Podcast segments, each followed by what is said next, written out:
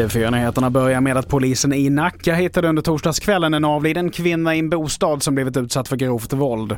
Tidigare under kvällen så grep polisen en berusad man i 50-årsåldern som högg med kniv mot bilar i Nacka centrum och han är nu på sannolika skäl misstänkt för mord. Mannen och kvinnan har känt varandra sedan tidigare men polisen vill inte gå in på några ytterligare detaljer. Så till Japan, där i helgen så samlas ju ledarna för G7-länderna för att diskutera en gemensam hållning till Kinas växande makt och sanktionerna mot Ryssland. Och enligt uppgifter till Washington Post kommer Ukrainas president Zelensky att delta fysiskt på mötet.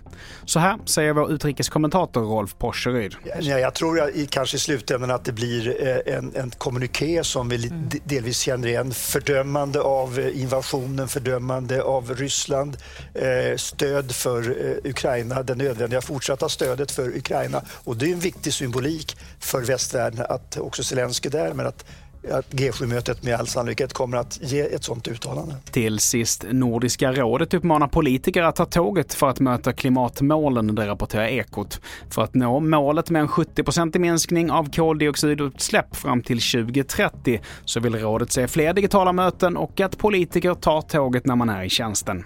Fler nyheter hittar du på tv4.se. Jag heter Mattias Nordgren.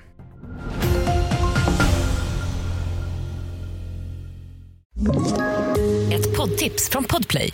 I podden Något Kaiko garanterar östgötarna Brutti och jag, Davva, dig en stor dos skratt.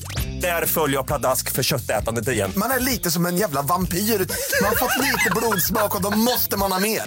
Udda spaningar, fängslande anekdoter och en och annan arg rant.